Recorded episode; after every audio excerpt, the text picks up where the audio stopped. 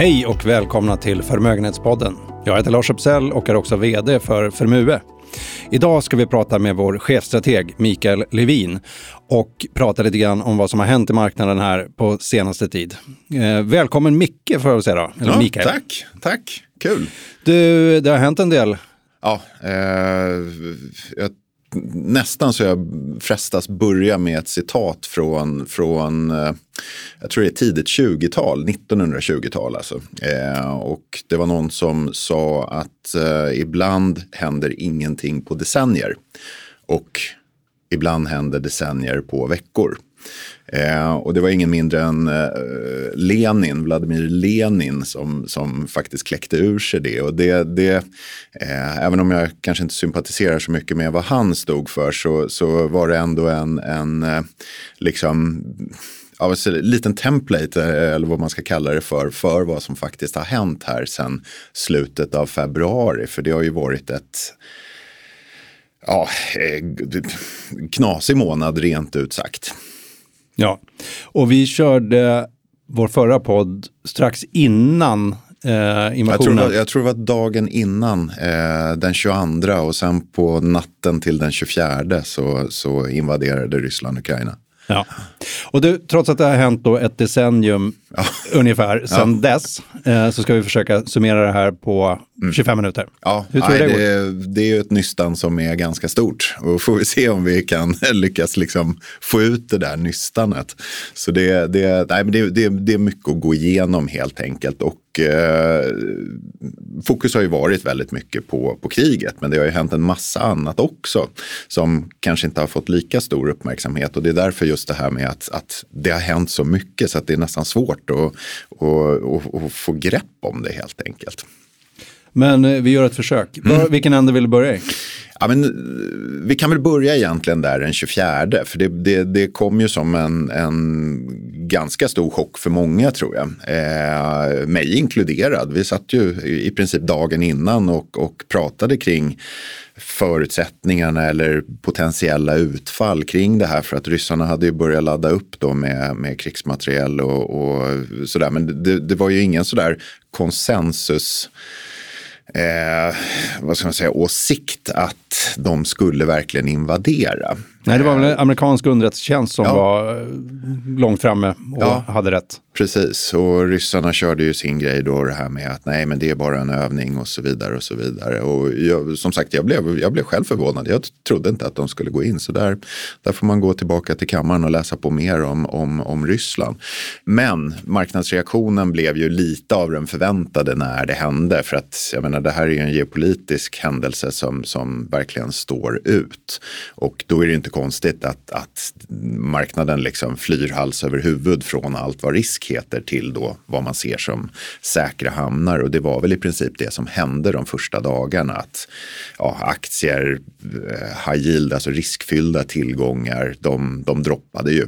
Eh, medan då obligationer, framförallt då säkra obligationer som statsobligationer, även guld och så vidare, det, det, dit flyr investerarna så det gick upp. Och det är ju liksom, det är en normal reaktion hos marknaden. Eh, och Sen var det ju, skulle jag säga, the fog of war egentligen. Man visste inte vad som skulle hända. Krig är ju alltid på något sätt en av de, ja, den ultimata osäkerheten helt enkelt. För att det, har man väl tryckt på knappen för ett krig, då kan det gå i många tangenters riktning. Och det, det gör det ju extra svårt för, för marknaden. Men det, det, det var väl, skulle jag säga, två, tre veckor av någon sorts ja, panikfas-ish. Eh, men ändå hyggligt rationellt för att det var ju inte riktigt lika stora fall som det var under till exempel pandemin. För då åkte det ju rakt ner i källaren. Här, här var det liksom eh, samma tendens men inte lika stora fall. Eh, och eh, min erfarenhet i varje fall, den kan ju alltid ifrågasättas. Men när det kommer till sådana här kriser så brukar det ta två, tre veckor veckor ungefär för marknaden att anpassa sig till det faktum att det här har hänt. Och eh, det tog ju ungefär två, tre veckor den här gången också. Kan, kan man säga det, det är två, tre veckor av irrationellt beteende då? Ja, för att osäkerheten är så pass stor. Och då, då, då har du ju liksom ingenting att, att på något sätt kollektivt basera dina beslut på. Men sen då efter två, tre, fyra veckor så, så börjar det komma in att ja, men då, då, då kan man börja se kanske lite var det är på väg att vara lite mer rationell. Och där överlag så kan jag tycka att marknaden ändå skötte sitt jobb någorlunda. Eh, för det var, det var just den här initiala fasen men sen så, så liksom vände man tillbaka till, till det här lite mer fundamentala. För det, var, det fanns ju en del innan kriget också förutom själva kriget. Så det kom som en, en, en störnings, eh, störningsmoment. Jag tänkte när jag läste på universitetet, vilket börjar bli några år sedan nu, eh, så pratar man om tillväxtmarknader och politisk risk. Mm. Nu kanske vi pratar geopolitisk risk. Kommer det komma tillbaka nu, politisk risk eller geopolitiken då, som, som en riskfaktor när det har med investeringar i tillväxtmarknader och ja, riskspridning och så? Det, det tror jag att den geopolitiska riskpremien kommer att vara högre. Det är ju inte så att geopolitik har saknats de senaste 20-30 åren, liksom. allt ifrån liksom, Sovjetunionens fall då i, i i början av 90-talet så har det ju varit ett antal eh, liksom, störningsmoment eller vad man ska kalla det för. Mellanöstern har ju varit liksom, en, en ständig oroshärd. Eh, vi har haft Nordkorea, det har varit eh, tidvis då spänningar mellan Kina och Taiwan. Så att just det här med geopolitik har inte varit något, något okänt för marknaden. Men det är ju klart, det har ju inte varit ett fullskaligt krig i Europa. Det är ju en helt annan nivå kanske än, än vad som tidigare har, har varit, eh, varit fallet. Och eh, där tror jag att, att lite beroende på hur det går. Jag vill precis, tror jag, jag tror jag sa det förra podden också, att man ska ju passa sig för att liksom bekvämt glida in i det här facket säkerhets eller geopolitisk expert. För det, det, det, det är jag inte på något sätt. Men eh, ultimat så, så eh, egentligen är det ju två eh, vad ska man säga, två vägar. Och det är om Putin sitter kvar eller om han inte sitter kvar. Eh, sitter han kvar så, så då tror jag den geopolitiska premien kommer vara högre eller den geopolitiska premien kommer vara högre än om man inte gör det. Eh, för Ryssland har ju trots allt ett par vänner kvar. Och det är bland annat Kina, det är Iran, eh, Indien står väl och väger lite grann. Eh, de har ju inte liksom fullt ut fördömt sanktionerna och, och eh, infört några egna sanktioner mot Ryssland. Eh, och skulle han sitta kvar då som president för Ryssland då kan man anta att, att eh, de här vännerna kanske kommer bli närmare vänner. Ja, precis. Men, men om man tänker, det är ju den ryska riskpremien om man säger mm. så. Men, men, tror du även att det sprids även till andra delar av världen? Eh, vi ser ju sanktionerna som kommer och liksom investeringar mm. som egentligen hela världen har försvunnit. Otroligt stora värden. Ja, Ja, ja, ja. Nej, men där, där, Ryssland är ju det bästa exemplet. Den marknaden är ju borta ja. eh, helt enkelt. Och eh, ganska intressant så, så fick ju Kina Eh, en liten släng av den här geopolitiska riskpremien i och med att, att investerarna, framförallt västliga investerare, de har eh, sålt en hel del Kina den senaste månaden. Det har varit väldigt, väldigt stora utflöden. Och det är just på den här att, att Kina kanske inte heller liksom aktivt har satt ner foten. Eh, passivt så, så är de ju mer eller mindre lierade med, med Ryssland. Eh, och där helt plötsligt så, så har investerarna då kommit fram till att mm, ja, det kanske är lite osäkerhet här också med tanke på just de här sanktionerna som har satts, satts in mot Ryssland. För det, de, de har ju varit väldigt, väldigt kraftiga. Eh, fortsatt så är det ju inte några sanktioner på energisidan Eh, vilket skulle ju förmodligen skälpa Ryssland totalt om, om de skulle införas. Men det skulle också innebära då att, att framförallt Europa sitter ganska så tråkigt till rent ekonomiskt. Om man skulle liksom, ja, skruva Det skulle få stora konsekvenser för det skulle bli, Tyskland, Italien. Ja, det ja. skulle bli jättestora konsekvenser och det, det, det, märks väl lite redan nu då att, att eh, EU har ju kommit ut med en plan för att, eller någon sorts strategi för att komma runt det här beroendet av, av rysk gas och, och olja. Och eh, det det är väl redan nu lite ansträngt i framförallt Tyskland då, som är mest beroende av det här. Men samtidigt då så kan jag ju tycka att det är ju, det är ju rätt väg att gå eh, från, från många olika perspektiv.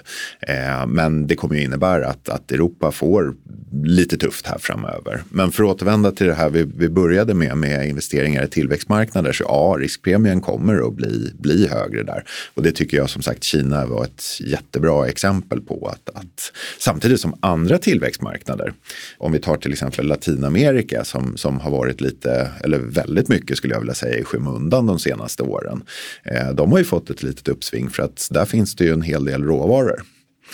Eh, och kanske inte samma geopolitiska risk eftersom det är en annan världsdel liksom mm. på andra sidan jordklotet. Så att Latinamerika har fått en liten revival här på, på, på slutet. Så det, det, det slår lite, lite olika. Men, men äh, återigen, det andra alternativet för att återvända till ytterligare en fråga som, ja. vi, som vi diskuterade, det är ju om, om Putin inte kommer att sitta kvar. Eh, för då finns ju då åtminstone på pappret en chans att, att kanske göra någon liten reset där. För man ska komma ihåg, precis som vi pratade om i förra podden, att Ryssland är en, en råvaruexportör av rang. Mm. Eh, det är inte bara olja och gas, utan det är metaller, både basmetaller, ädelmetaller. Eh, jag tror de har nästan 30, drygt 30 procent av palladiummarknaden i världen. Och utan palladium så är det ju svårt att få till katalysatorer i bilar. Och så. plötsligt så, så försvinner, det kanske löses på sikt med elbilar, men, men vi tillverkar fortfarande en hel del konventionella bilar. Så det, det får ganska stora åter, återverkningar att Ryssland är liksom ute ur, ur mm. ja, den globala ekonomin helt enkelt. Så att eh, spännande investeringslandskap.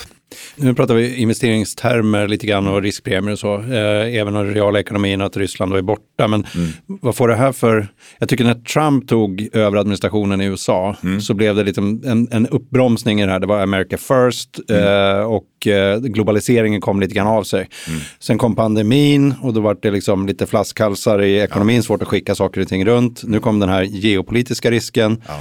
Vad, vad hör du, liksom, kommer det här Kommer det här fortsätta bli en broms för globaliseringen på längre sikt? Ja, på kort sikt ja. Eh, på längre sikt så som sagt, eh, ja, eh, vilken väg kommer Ryssland att gå? Eh, men eh, trenden är ju ganska klar att, att eh, den här globaliseringen som vi har sett i princip sen, ja, många brukar sätta startdatumet den 2001 eh, när Kina gick med i WTO. Eh, och sen har det varit liksom en exempellös integrering av den globala ekonomin med de här värdekedjorna eller försörjningskedjorna som vi pratar så mycket om, eh, som är oerhört delikata. Eh, och pandemin visade att de kunde störas ut eh, ganska lätt. Och nu då på detta så kommer, kommer det här kriget. Och eh, vad ska man säga, det, det, det liksom strömningarna är väl att, att man börjar fundera på i många länder på att ja, vi kanske borde producera lite saker själva också. Istället för att någon annan väldigt långt bort ifrån vårt land ska producera det. Och risken där är ju att man får liksom någon sorts form av ja, eh, nationalis internationalisering men, men det nationella intresset sätts väldigt högt och i västs fall då kanske en regionalisering, att man får olika block i den globala ekonomin då, som, som är då mer självförsörjande än vad, vad som är fallet idag. Men det, det, det hänger som sagt lite på, eh, på var Ryssland tar vägen. Men, men i det korta perspektivet definitivt plus återigen, det har hänt massor förutom kriget. Och det är ju att Kina fortsätter ju med sin nolltoleranspolitik eh, mot covid. Mm. Och nu är ju både Shenzhen eh, och eh, även Shanghai nedstängda. För att de har covidutbrott där. Och det innebär ju ytterligare då störningar i de här eh, försörjningskedjorna som kommer liksom på eh, den här lite problematiska situationen som, som, som kriget har inneburit. Så att det, det på kort sikt så tror jag att, att man får räkna med att den ekonomiska takten eller momentum i den globala ekonomin, det kommer att avta. Det, det, är liksom, det är inget snack om den saken faktiskt. Ja, det är ju mycket som har hänt som du säger utöver kriget i Ukraina, och det kanske har, men även om det har dominerat nyhetsflödet. Mm. Vad, vad är det mer som har hänt? Det, Ja, var ska vilken vi börja? Ände, vilken ände börjar vi?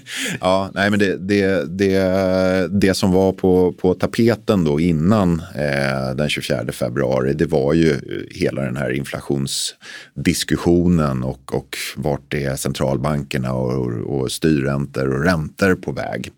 Och eh, många kurvor som sagt fick ett hack eh, i slutet av februari, början av mars. Att de trenderna som, som, som låg innan kriget, de, de reverserades delvis, men de de har ju kommit tillbaka ordentligt. Och det, det som har hänt är ju att inflationstalen som kommer in, de fortsätter att vara liksom höga och oftast högre än förväntningarna. Eh, igår till exempel kom Spaniens inflationssiffra, den landade på 9,4 procent. Och de har inte haft så hög inflation sedan ja, 30 eller 35 år eller någonting sånt där. Och kriget har inneburit att framförallt för Europas del energisidan kommer att få ännu större genomslag på, på, på inflationen. Och då börjar det genast, liksom, okej, okay, men vart är, hur kommer ECB att reagera? För de kan ju inte ligga med minusränta om inflationen är liksom 9 Nu var det Spanien, men, men om vi tar euroområdet, jag tror den siffran faktiskt kommer idag eller imorgon. Eh, så där, där har ju förväntningarna skruvats upp. Även USA, eh, och där har ju Fed börjat höja. De har ju faktiskt höjt en gång sedan förra podden.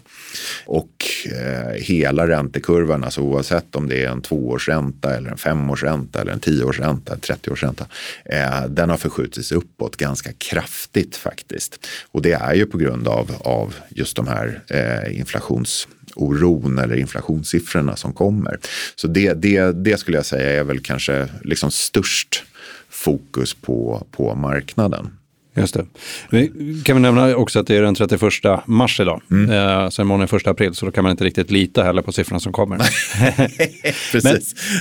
Men, men, eh, jag tänkte på eh, det här med inflation då. Mm. Spanska mm. talen över 9% inflation. Mm. Hur mycket av det är kopplat till energi? För vi vet att oljepriser, mm. gaspriser, eh, elpriser har gått upp och varit väldigt höga under ja. ganska lång tid. Hur mycket är kopplat till det? Eh, jag skulle säga att en hel del av, av de inflationssiffrorna i i, Europa som kommer, det, det, det är knutet till eh, energisidan. Men samtidigt då, det är, liksom, det är ju inte bara energi, det är liksom en, en bred, allting så att säga ökar varor och, och, insatsvaror. Lönerna är på väg upp och så mm. vidare. och Så vidare. Så det, det, är ganska brett. Men energipriserna är definitivt en, en, en, stor del av det här. Och då kan man ju också hoppas på något sätt att den här kriget då eller situationen löser sig. Men jag tror att, att i det korta perspektivet så, så eh, kanske på ett halvårs sikt eller någonting sånt där så, så kommer vi få leva med det här. Och vi kommer att få se eh, reaktioner från centralbankerna. Eh, amerikanska Federal Reserve har ju varit väldigt, väldigt tydliga med att de, de kommer vara hyggligt aggressiva i, i räntehöjningscykeln och Eh, marknaden ska jag säga har delvis liksom tagit ut det här för att den amerikanska tvåårsräntan den har nästan sett ut som en, en raket, alltså rakt uppåt. För ett halvår sedan så var den 50 punkter, nu är den 230 eller 2,3 procent. Mm. Så att det har varit en ränteuppgång av, av nästan episka proportioner. Vilket såklart då har satt sig på framförallt räntemarknaden för att den har faktiskt startat året betydligt sämre än aktier. Och då tycker vi ju inte att 2022 har varit ett bra aktieår. Nej. Men eh, det som har hänt på räntemarknaden där, det, det jag tror det enda året jag kan påminna mig om att det har varit sån ja, risig start, det är 1994 när Fed förra gången då tog marknaden lite på sängen med en kraftig räntehöjningscykel. Mm. Så att eh, där det, det, det, känns jättekonstigt när man sitter och uppdaterar grafer och, och tittar på utvecklingen och så ser man att ja, men räntor har ju faktiskt gått sämre än, än aktier i år. Och tar vi en, en vanlig så här svenskt statsobligationsindex så är det ner, jag tror det är någonstans runt 8 procent i år och det är mm. väldigt, väldigt mycket för, för en ränteplacering. Och då är ju statsobligationer, den, de ska ju vara skottsäkra. Ja. Det är ju tryggheten där. Ja, precis. Så mm. det, det, det, det är väl den stora och jag menar räntorna det, det påverkar ju andra riskpremier som till exempel aktier då. Vi har fastigheter, vi har private equity. Jag menar hela investeringsuniverset påverkas ju av det här eh, och det gör ju att, att i åtminstone det korta perspektivet så, så ja, riskpremierna stiger. Mm. Hög inflation, centralbankerna ska liksom dämpa, mm. men de måste sitta i en liten rävsax egentligen för att oh, liksom, ekonomin är, bromsas lite grann mm. eh, och samtidigt så stiger inflationen och så mm. ska man försöka balansera där och inte bromsa ekonomin ytterligare men samtidigt inte få inflationen att skena. Ja, exakt. Och, och, där är väl återigen USA i en något bättre sits. Liksom, för att den amerikanska ekonomin går ju, går ju bra. Eh, och de är inte så påverkade av, av eh, det här kriget och den här konflikten.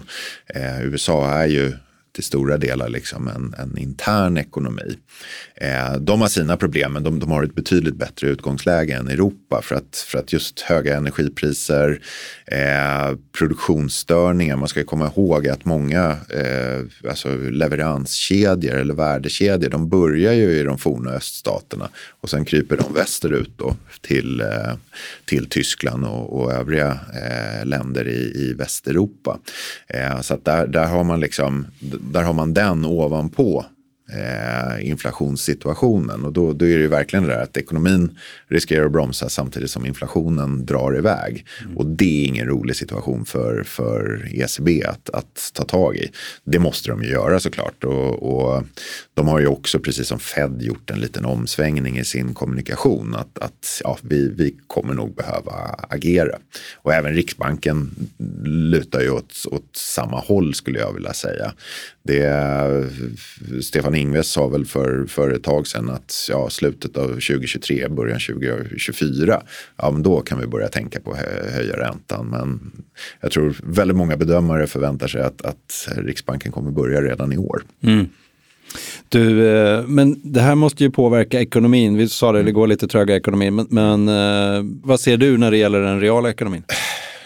Jag tror ju, det får ni ju och du ta var för vad det är värt. Men, men eh, de... Jag litar alltid på dig Mikael. ja, det ska, man, det ska man vara lugn med. Tillväxtprognoserna börjar revideras ner. Mm. Jag tror att vi kommer att få se fler nedrevideringar och det är ju framförallt i, i Europa då som, som tar de största nedrevideringarna. Eh, och på global nivå, de här siffrorna i början av året då förväntade sig konsensus en tillväxt på drygt 4 Den, den kan vi nog slänga i papperskorgen. Eh, men frågan är om, om liksom situationen och prognoserna eh, landar i att vi ska hamna i recession. För det är en sak, säg att det blir från 4 procent drygt då, och det kanske blir 2 procent eller en och en halv. Ja, det är ju inte bra. Det är ju en ganska stor inbromsning. Men det är ju fortfarande kanske inte riktigt en recession. Så att det, det är väl där man ja, jag hoppas ju att, att eh, det inte blir just en recession. Men, men eh, det är ju klart att risken föreligger framför allt i, i Europa. Och sen Kina då. Mm eh, liksom vart, vart de tar vägen rent ekonomiskt. Och det beror ju lite på då hur, hur eh, ja, bland annat den här noll, nolltoleranspolitiken, hur hårda de kommer vara på den. Och det här är ju utifrån det vi vet idag.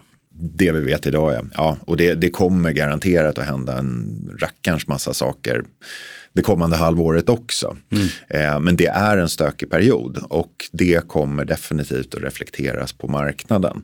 Och där kan jag tycka också att, att eh, reaktionerna, alltså vi inledde podden med att säga att marknaden var någorlunda rationell. Men eh, nu så, så står ju aktiemarknaden, oavsett om vi tittar på, på Sverige eller på globala aktier eller vilken marknad nästan vi tittar på, förutom Ryssland. Då, där står ju kurserna faktiskt högre högre än vad de gjorde när kriget bröt ut. Mm. Så det, det har ju varit liksom en, en comeback lite grann här de senaste veckorna på framförallt riskfyllda tillgångar. Och det har väl delvis också att göra med inflationssituationen för att man ser att räntor, oops, det, det här, det, aktier har förmodligen bättre eh, sannolikhet eller chans att kompenseras eh, eller kompensera sig för en del av den här inflationen.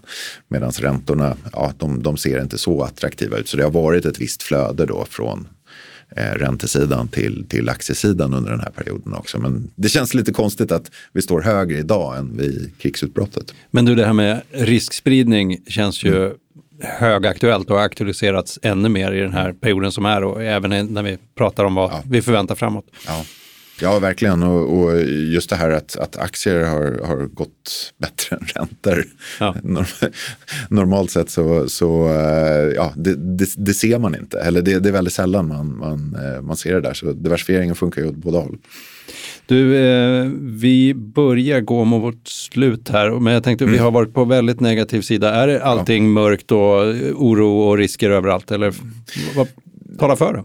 Mm vad som talar för, det, det, det, finns en hel del silver linings också kan jag tycka. Och en av de största är ju att det är sentimentet i marknaden eller liksom själva marknadskänslan. Kanske även den här podden tycker jag belyser väldigt mycket vad, vad, vad som råder just nu. Och eh, saker är sällan liksom svartvita i, i min värld åtminstone. Det finns gråskalor också. Och det ligger en hel del dåliga nyheter i dagens kurser skulle jag vilja säga. Och återigen, lyckas vi då på något sätt undvika en regelrätt recession. Så eh, återigen, det är ingen klang och jubelföreställning framöver vad gäller liksom, tillgångspriser. Jag skulle inte sitta här och säga att ja, aktier ska upp 20 procent härifrån. Eh, men eh, ja, det kanske finns lite kvar att hämta resten av året, vad, vad vet jag. Men det finns ändå eh, liksom en viss potential. Sen också så har vi ju en tendens att, som jag sa, vara väldigt svartvita. Och det är när någonting är dåligt, då ser man dåligt i allt. Och till mm. sist så blir det någon sorts for, form av kapitulation att det kan inte bli sämre. Eh, sen är frågan om, om, eh, som sagt, vart den här konflikten eller det här kriget tar, tar vägen då på, på kort sikt. Jag hoppas ju att det slutar så fort som möjligt. Eh, men sen på den, på den längre, eh, längre perspektivet och vart, eh, vilken väg Ryssland egentligen väljer, väljer att gå. Du, där var vi i mål för idag. Ja, det gick ovanligt fort. Ja, men det, men... det är så mycket att prata om på något sätt. Så ja, att, det det. Eh, man vet inte var man ska börja. Men med det får vi tacka dig, Mikael, för att du var här. Ja, tack själv. Du, och så ska vi tacka er lyssnare. Och jag skulle också vilja slå ett slag för, det här är ju inte den enda podden som Förmue gör, utan vi har ju även en podd till. Kvinnor som äger. Och den är ju lite av inspiration, olika kvinnliga entreprenörers historier. Så att eh, den finns där poddar finns. Så vill ni lyssna på den så uh, bara sök upp den. Det finns även länkar på vår hemsida under eh, Förmue. Eh, vi heter ju inte Burenstam Partners längre, Förmue. och eh, under Insikt så finns de där. Mm. Men eh, stort tack för idag och ja. på återhörande längre fram.